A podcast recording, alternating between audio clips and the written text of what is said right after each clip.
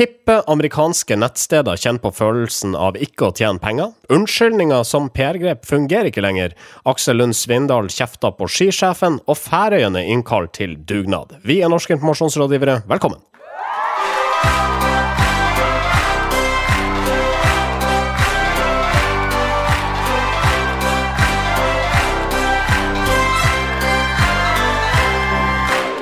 Mitt navn er Marius Skjerve Staulen. Denne sendinga presenteres av medieovervåknings- og analyseselskapet Retriever. Marius Torkelsen og Sindre Holme, hallais. Hallais, ja. Hei igjen!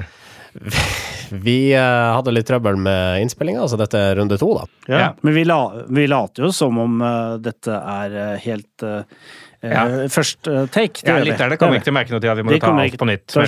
Nei. Nei. Jeg hadde tenkt å la, la det passere i det stille, men du måtte selvfølgelig si hei igjen, og dermed så fordra det en forklaring på hva du mener når du sier hei igjen. Det kunne jo vært at det var hei igjen fra forrige uke når vi snakka sammen. Ja, ja, Ja, det kom jeg på midtveis i den setninga, så jeg kunne ha spart meg for den siste tingen jeg sa der, merker jeg også. Men det var det jeg mente, da. Ja, bare det. Eh, og apropos uh, dårlige nyheter, det har kommet oss for øre at uh, bransjeorganisasjonen KOM nå legges ned. Ja, det er jo derfor vi sitter her med sørgebånd i Moderne Medias studio. Ja. Kjempetrist. Bransjeorganisasjonen KOM, som jo har forsøkt å samle PR-byråer fra nord til sør, eh, har nå eh, funnet ut at dette funker ikke lenger. Eh, KOM har jo vært en slags sånn eh, Vår nemesis, vil jeg si. Eh, vi har Og største inspirasjonskilde. ja, absolutt. Eh, både eh, Det er jo en grunn til at vi har klart å lage 202 episoder uh, fram til nå, og det er jo nettopp på grunn av dem. Ja, fordi KOM, eh, for de nye lyttere, KOM het jo i sin tid eh, NIR. Eh, Og da for seks år siden så bytta de navn fra NIR til KOM. Altså da fra Norske informasjonsrådgivere til eh, KOM. Så de gikk fra et veldig beskrivende navn til et navn som ikke ga noe mening. Og det, det ga en åpning for oss eh, Ja. til rett og slett å stjele det navnet. Det var jo på et tidspunkt hvor eh, det var masse bråk rundt KOM og hvem som skulle være med og ikke være med. Hans Gelmaiden skulle være en del av det, First Time skulle være en del av det. Det var jo masse stoff eh, til oss og til kampanjen. Nå, nå vet vi ikke hva vi skal gjøre. Nå, hvor PR-byråene krangler altfor lite om dagen, syns jeg. Ja, det, Ja, det, for hvordan var det der med, med Gelmyden Kise? Var de ekskludert fra det gode selskap i KOM, eller hvordan? jeg, jeg tror det var sånn at de var ikke enig i den strategien de holdt på å lage, eh, som jo aldri ble lagd ferdig. De holdt på med strategi i fire år, Ja. eh, spesielt da med Morten Voldsdal. Eh, Men den strategien ble aldri lansert, men Gelmin, Hans Gelmaiden var grunnleggende uenig i den uansett. Ja.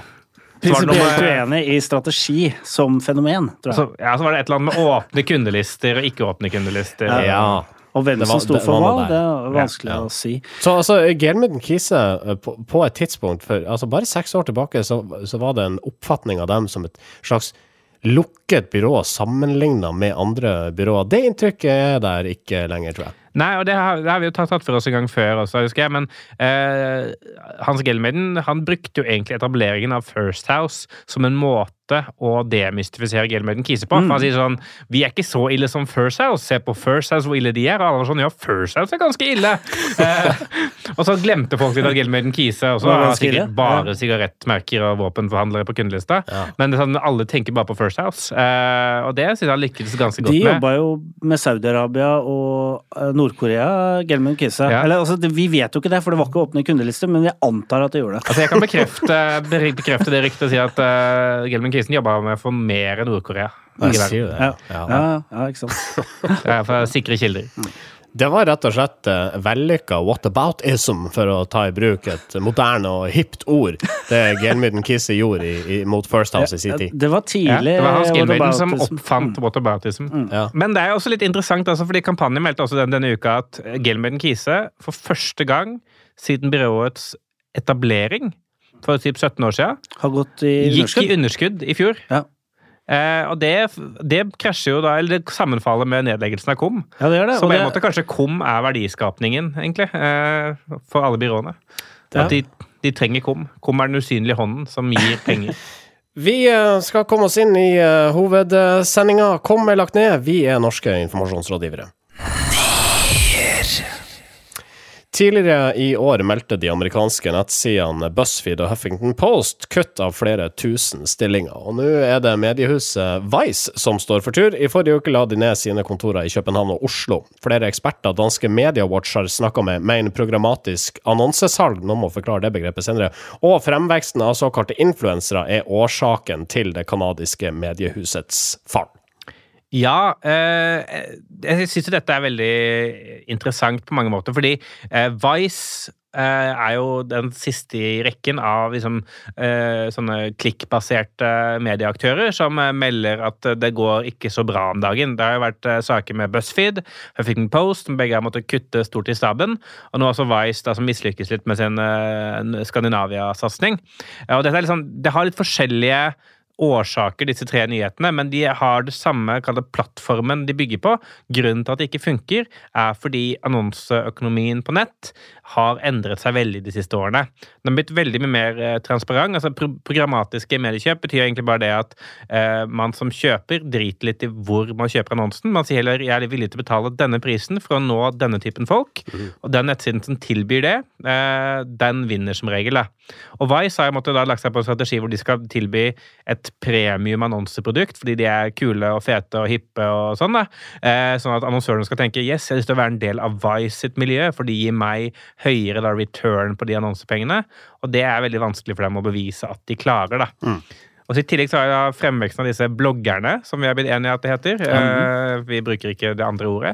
Uh, det har altså ført til at når alle da blir bloggere, så er det egentlig ingen som er så interessert i å betale litt sånn ukjent amerikansk rampemedie uh, for å lage branded stories om deres content. Virksomhet.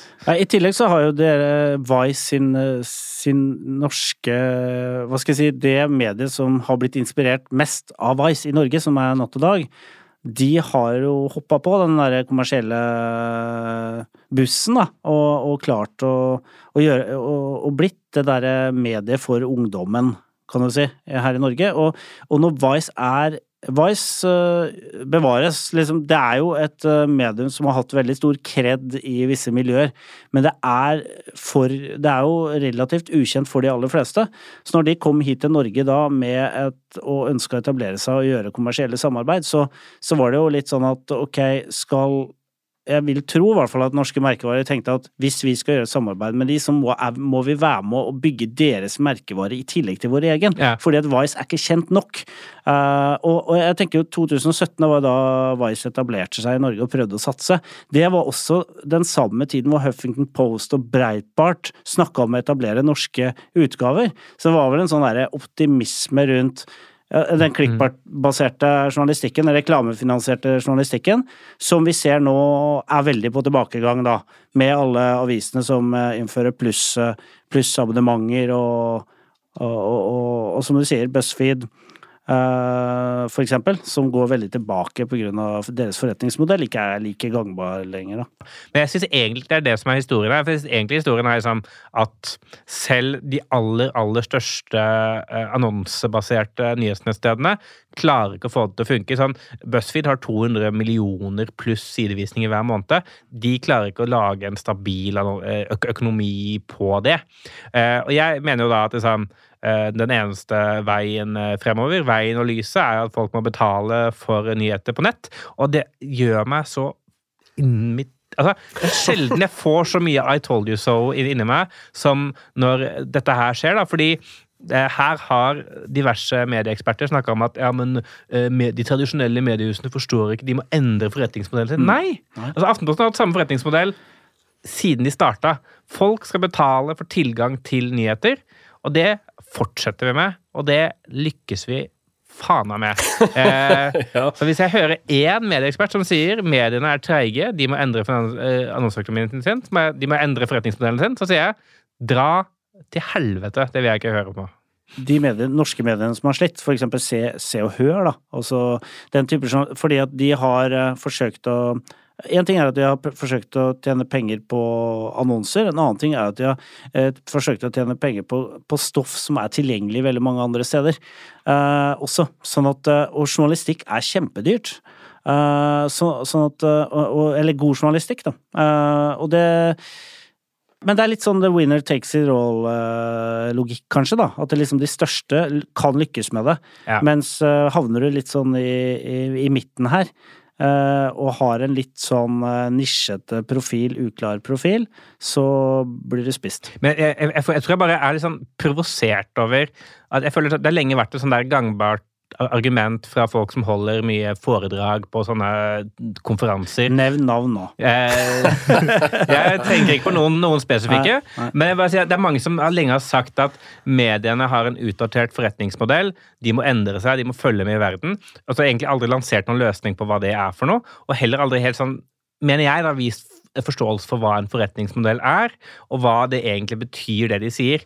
Fordi det er jo klart at forretningsmodellen er selge innhold basert på tilgang til innholdet. Men, men Eh, ja, ja. Og, og den, den modellen er ikke, blir ikke utdatert eh, selv om eh, det kommer internett. Og, måtte, og man da altså henvist til at BuzzFeed som et medie som lykkes, eh, som jeg mener da grunnleggende er feil, fordi BuzzFeed er i hvert fall en utdatert forretningsmodell, som jeg bare håper folk har lyst til å betale penger for å få bildene sine på nettsida deres. Det er ikke litt sånn at klokka, klokka slår eh, Klokka er eh, riktig en gang i døgnet, holdt jeg på å si. Hvis En- klokka en står stille. klokke, Så- Ja, stillestående en klokke som fungerer er Så- riktig så- hele tida. Så så, sånn, eh, kanskje det er det Aftenposten har opplevd, at eh, ja, nå er klokka ett igjen. Etter å ha vært eh, veldig mye annet eh, Ja. kjempelenge. Ja, men Det er jo en måte som å si at det, det er utdatert å ta betalt for varene man lager. Ja. Det, det føler jeg det stemmer ikke. Norske informasjonsrådgivere.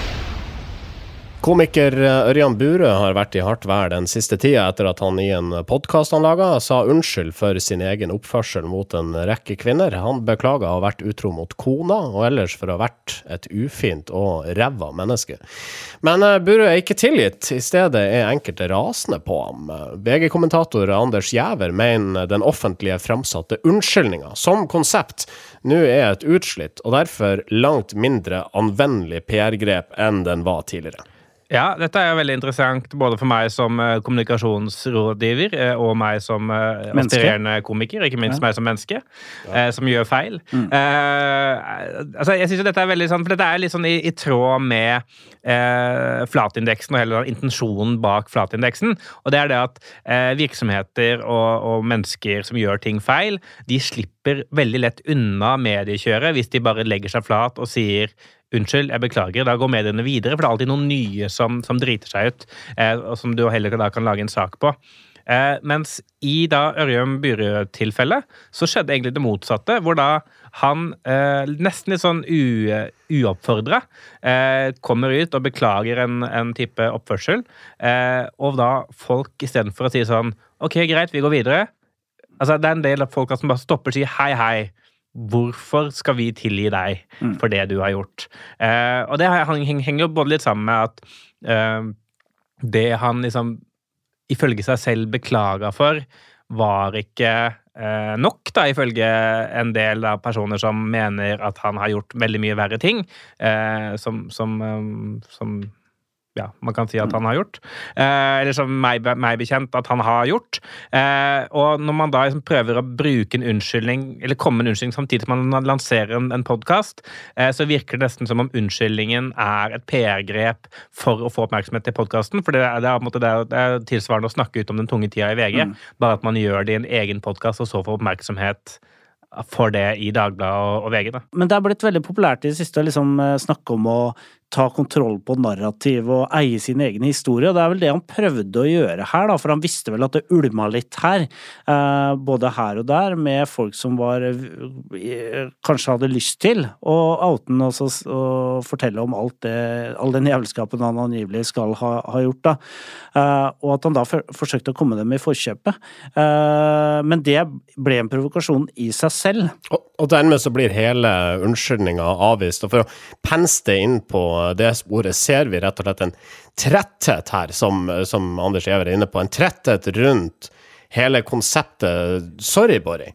Ja, altså, jeg, jeg, jeg tror i hvert fall at uh, det blir stadig mer gjennomskuebart det å bruke unnskyldning som et grep. Altså, jeg, jeg føler det er, det er flere liksom, som har kommentert det her med, også med det, det, er, jeg føler det er en forlengelse av det der eh, når Hanne Sørvåg står fram annethvert år for å snakke, snakke om den tunge tida og stå og slippe plate. Ja. Hun og Ørjan Burøe bør dra på turné i lag. Ja, faktisk. Ja. Det kan hete 'Sorry, Børre, det er tungt å leve'. Eh, men, men eh, jeg, jeg føler bare sånn det, Men kjøp dette det er blitt en så tydelig del av, av liksom samfunnet og zeitgeisten vi er en del av, hvor man liksom har begynt å legge merke til det. Og med en gang man begynner å legge merke til sånne skjulte koblinger, så blir man veldig immun mot det. Ja. Eh, og da blir det nesten litt sånn platt, istedenfor at det faktisk har den effekten eh, som det, man tenker at det burde ha. da. Jeg så en eh, dokumentar eh, her om dagen om Roger Stone, som var eh, Som jo nå ble arrestert av FBI for å ha konspirert med russerne eller noe sånt. Han er i hvert fall en av de som jobba med Trump tidlig, og har eh, ja, vært beskyldt for å plante, plante mye skitne historier om politiske motstandere eh, til eh, republikanske kandidater opp igjennom. Eh, Og han sa at han, han hadde en eh, en, eh, en leveregel. Og den var deny, deny, deny. Eh, og, og det syns jeg var litt interessant, fordi at han, han har innsett at han er full av faenskap. Så han sa at 'jeg vil alltid eh, benekte' eh, for alle rykter som går om meg. Og det tenker jeg kan være eh, liksom, eh, en slags Det burde kanskje Ørjan Bure også visst. At enten så må han si jeg nekter, jeg nekter, jeg nekter for alle beskyldninger som kommer, og gjøre det resten av livet. Eller så får han gå ut og si fy faen, jeg har vært en helvetes grusomt stygt menneske, eh, og jeg har gjort alt det faenskapen som folk beskylder meg for. det, det som er veldig interessant eh, i dette caset her spesifikt, og da og egentlig sier noe om uh, helheten, er at uh, disse beskyldningene sånn, i, i komikermiljøet har jo en måte eh, om ikke nødvendigvis liksom, alt det som har kommet fram i diverse kilder de siste ukene har vært kjent, så har i hvert fall vært kjent at han har vært en sketsjy fyr. da. Eh, og i 2017 så var det jo en Natt og Dag-artikkel om en da den gang ikke navngitt komiker eh, som ble beskyldt for overgrep og tra trakasseri. Ja. Eh, den artikkelen ble måte aldri plukket opp av noen. Eh, den ble aldri sitert, den ble aldri demontert. Det, ble aldri sånn, det skjedde ikke noe mer enn den ene Natt og Dag-artikkelen. Eh, bortsett fra at Marna Haugen, da kona til, eh, til Ørjan Burøe, komikerfrue, la ut et langt innlegg på sin blogg hvor hun skrev eh, at disse beskyldningene mot Ørjan ikke stemmer. eh, det blogginnlegget var ganske, ganske kjapt sletta da hun skjønte at det var hun som da gikk ut og bekrefta at det var Ørjan Burøe. For han var ikke navngitt i den opprinnelige Han var ikke, han var ikke navngitt. Eh, og så har, har det ikke skjedd noen ting, da. Nei. Fram til han nå da for tre-tre uker siden går ut og sier 'jeg beklager'. Eh, da, det er jo et slags sånn pek blant annet på den artikkelen og sier alt det som har skjedd. Men det som da skjedde istedenfor å legge den ballen død, var at det åpna opp, så alle de som har sittet der og ikke sagt noe, Mm. bare var sånn Dette er en tillatelse til å snakke om det. Så han faktisk skapte en aktualitet rundt sin egen person som gjorde at alle som har sittet og ikke sagt noe, fikk lyst til å si noe. Og det tror jeg er en sånn utilsikta konsekvens da, av det å prøve å legge noe dødt altfor lenge etterpå. Ja, så Det han gjorde, var egentlig å rulle i gang en snøball. Ja. eh, Selv. Ja, han sto, to, sto på topptoppen av bakken, trodde han sto på bunnen. For Sto på toppen av korketrekkeren Ja. og rulla ned, helt ned til fjorden. Norske informasjonsrådgivere. Aksel Lund Svindal har lagt skien på hylla, og mange vil nok eh, savne ham. Kanskje dels fordi han er en ganske frittalende fyr som sier det han mener, blant annet om Skiforbundets president eh, Gian Franco Caspers uttalelse om at han helst ser at OL blir lagt til diktaturer, for myndighetene der kan bare dure på uten å spørre folket. Uh, Caspers eh, uttalte til ei sveitsisk avis at fra et rent markedsmessig perspektiv så vil han kun ha OL i diktaturer, for da slipper han å holde på å krangle med miljøaktivister. Eh, og Svindal eh, har eh, krasse meninger om det utspillet. Han kom med en uttalelse i forbindelse med saken her som var en sånn derre veldig elegant og superkrass ingen kommentar-kommentar, eh, på en måte. For han sier at Sometimes people say something that is so stupid that you don't have to comment on it, because everyone with a pulse on this planet understand that is complete gibberish. Um, og med det så sier han jo på en måte at dette gidder jeg ikke å kommentere.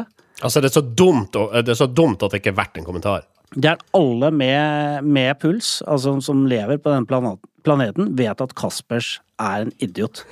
det er voldsomt. Men jeg synes det, det er kult, liksom, med eh, utøvere, eller bare folk, da, men spesielt idrettsutøvere, som ofte er veldig kjedelige folk, ofte ikke sier så mye, når de faktisk Ja, tar de tør å si ja. noe fordi de eh, har en mening om Mm. Om, eh, om et eller annet, da. Eh, og, og, og sånn Svindal som på en måte i økende grad kanskje har fått liksom, selvtillit også sånn, i, i media, har blitt mer og mer trygg i den rollen som en sånn kul idrettsutøver. idrettsutøver. Eh, at han også er ansvarsbevisst og faktisk sier ifra når liksom, ting er idiotisk. Det er veldig, veldig fint, da. Norske informasjonsrådgivere. Ukas kudos. Kudosen denne uka går til VG, som har brukt store ressurser på å avsløre en fyr som driver og svindler intetanende kvinner på Tinder. Arbeidet til avisa har resultert i historier om Cecilie Fjellhøy fra Lillehammer, som falt for en tilsynelatende steinrik mann. Men det skulle vise seg at pengene han øste over henne, kom fra andre kvinner han hadde lurt. De følelsene hun hadde for mannen, skulle vise seg ikke å være gjensidig, og plutselig så satt hun der alene med ei enorm gjeld etter store pengeoverføringer til svindleren. Jeg tror det var den heartbreaken som var det verste helt på starten. Og når jeg akkurat når jeg fikk vite at kjæresten din er ikke kjæreste er Nesten som at pengene kom i andre rekke, fordi det var, det var bare sånn, et sjokk.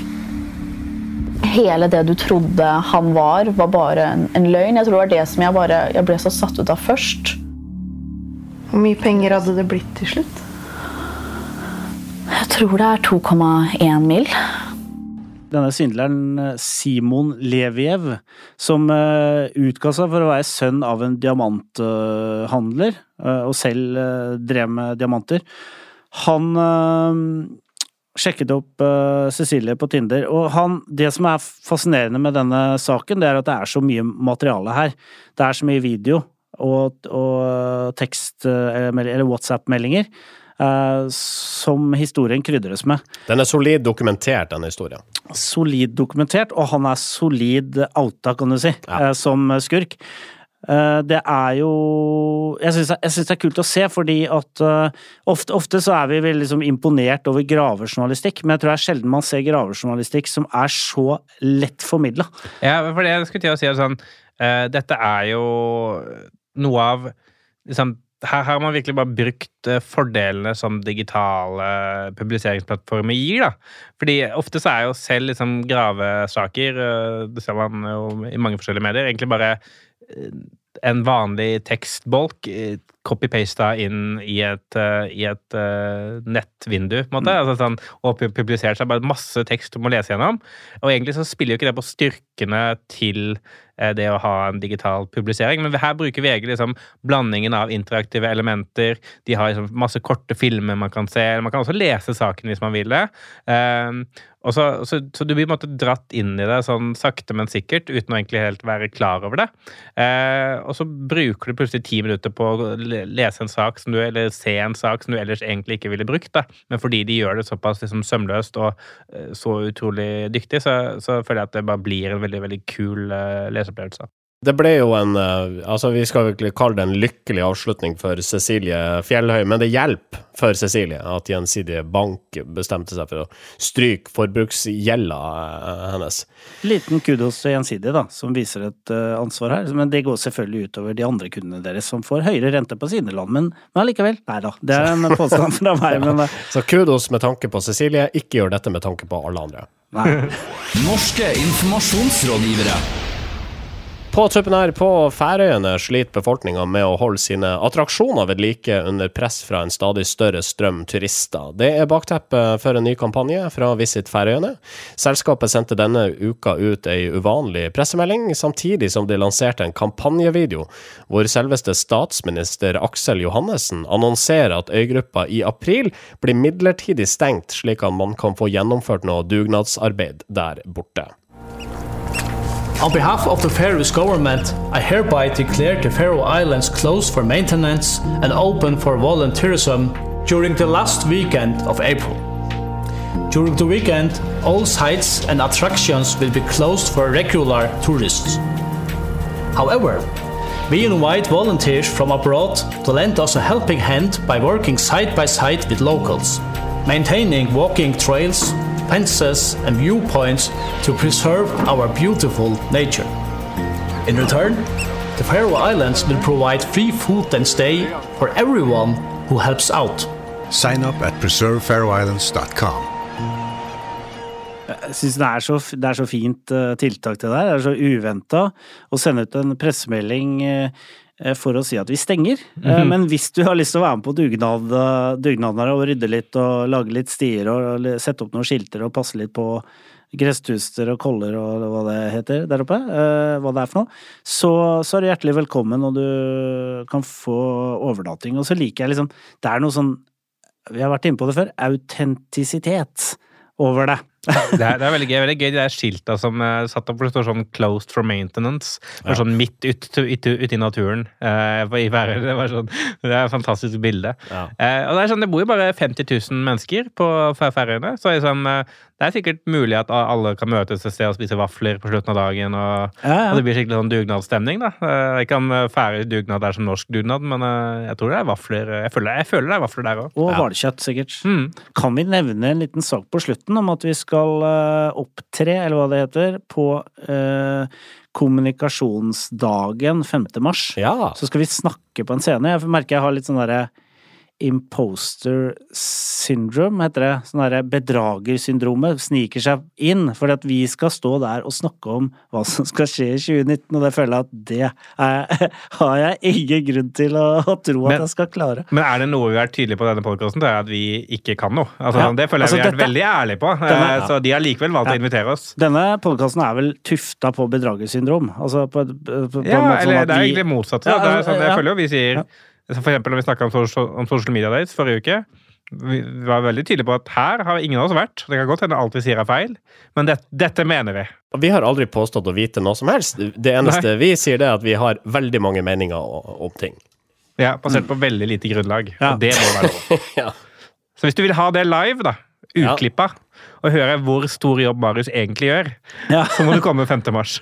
Hvor kommer de? Ja, Hvis du går inn på kommunikasjon.no eller på vår Facebook-side, så finner du et event, Facebook-event eh, hvor det står hvor og når du skal møte opp. Ja.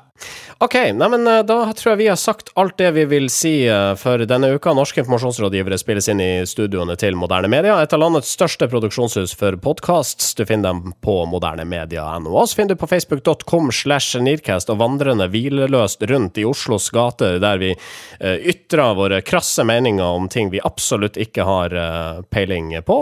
Og det akter vi å gjøre igjen om ei eh, uke. Vi høres neste fredag. Fram til da. Ha det bra! Norske informasjonsrådgivere.